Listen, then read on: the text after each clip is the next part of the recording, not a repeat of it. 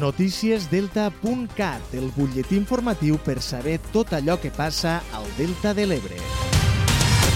Us saludem des de Delta.cat. Anem a repassar l'actualitat de la jornada. Una actuació de la policia local de Deltebre el 2022 ha permès ara desmantellar una banda europea de tràfic d'aixix. La banda portava la droga des d'Àfrica per via marítima i la introduïa a Europa per carretera.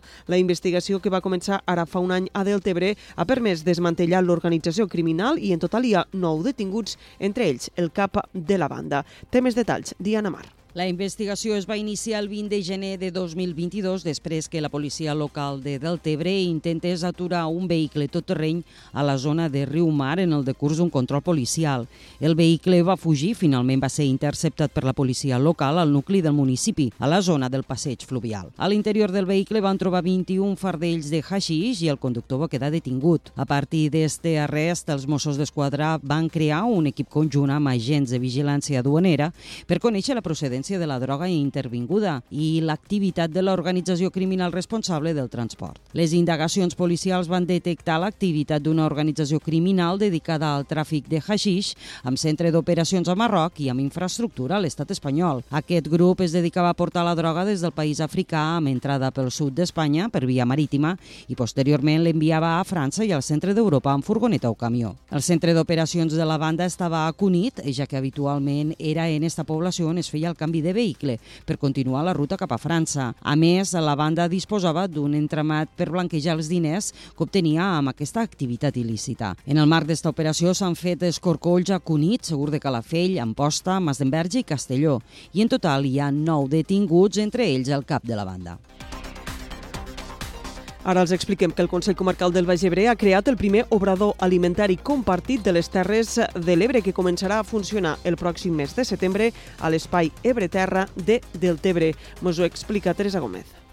Cuinar mentre es comparteix un espai i es creen sinergis entre emprenedors i empresaris ha estat l'objectiu de l'obrador compartit de l'espai Ebreterra de Deltebre, que ha estat impulsat pel Consell Comarcal del Baix Ebre.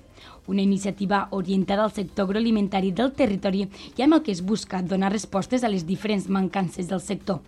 Javier Faurà és el president del Consell Comarcal del Baix Ebre. És que Ebreterra sigui l'espai idoni per a ser utilitzat per part de les empreses agroalimentàries del sector amb l'objectiu de funcionar com un element facilitador i catalitzador dels seus projectes. Els emprenedors podran iniciar les seves activitats minimitzant els riscos que suposa la inversió inicial en espai i eines de treball. Són unes empreses que per iniciar la seva activitat necessiten un espai equipat eh, i, i que lògicament eh, necessita una inversió inicial. Pues això els hi proporcionarem des del Consell Comarcal del Baix Ebre aquí a Ebreterra. No? Així, eh, la posada en marxa d'aquest obrador alimentari públic i compartit permetrà ajudar a tots, aquells, a tots aquells emprenedors que tenen productes de transformació alimentària i, per tant, eh, aconseguim eh, potenciar la diversificació productiva i ens ajudarà a guanyar competitivitat territorial. L'espai, separat en dos parts, compta amb un total de 16 fogons, un ampli ventall d'electrodomèstics i un llarg obrador.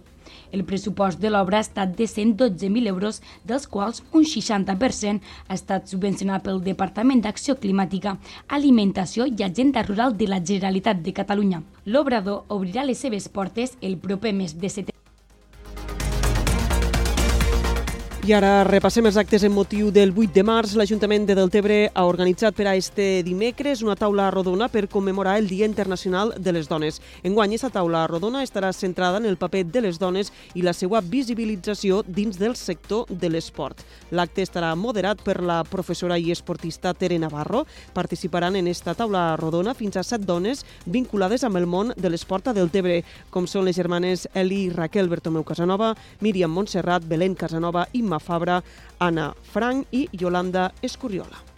En el cas eh, de l'Ampolla, els actes commemoratius en motiu del 8 de març es faran també este dimecres a partir de les 6 de la tarda a la sala de plens de l'Ajuntament i organitzat per l'Associació de Dones de l'Ampolla. Hi haurà escriptura de frases al mural per a les persones assistents i també es farà la commemoració de la dona honorífica de l'Ampolla 2023, un reconeixement que enguany estarà concedit a Avelina González Margalef. Després es farà la lectura del manifest del 8 de març i acabarà amb l'actuació de música de Carola i Karim. I en el cas de Sant Jaume d'Enveja, els actes en commemoració del 8 de març consistiran este dimecres amb la lectura del manifest a partir de les 6 i mitja a l'Ajuntament i el divendres es farà el taller L'amor propi és per sempre, risoteràpia i degustació d'un còctel.